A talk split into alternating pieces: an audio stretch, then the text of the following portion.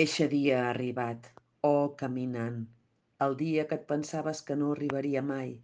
L'oracle t'ho digué i tu no en feres cas, perquè et senties jove, perquè dins teu hi niava aquell afany de no fer com els avantpassats, aquells que s'anomenen pares teus. Tu, caminant, no volies ser com els avantpassats, no volies recitar-ne les lletanies.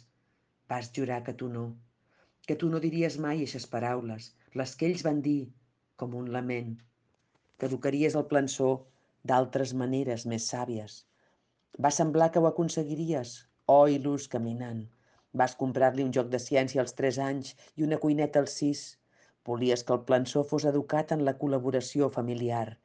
Ell hauria de ser responsable d'algunes tasques cada cop més complexes, cada cop més feixugues, sense arribar, a esclar, a l'extrem de l'esclavatge infantil.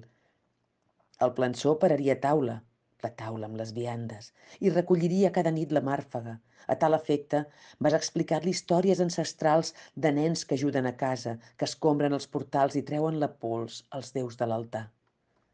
Però caminant, l'infant que educares anar creixent i creixent, i amb les impureses de la cara arribar també aquella altra impuresa, la de la sang adolescent. Aquell infant ja no et creia com a progenitor, només tenia ganes d'emmirallar-se a l'estany i d'observar a la plaça del temple, els ballarins de TikTok. Ha arribat el dia caminant d'exclamar la frase que vas jurar que no diries mai de mais.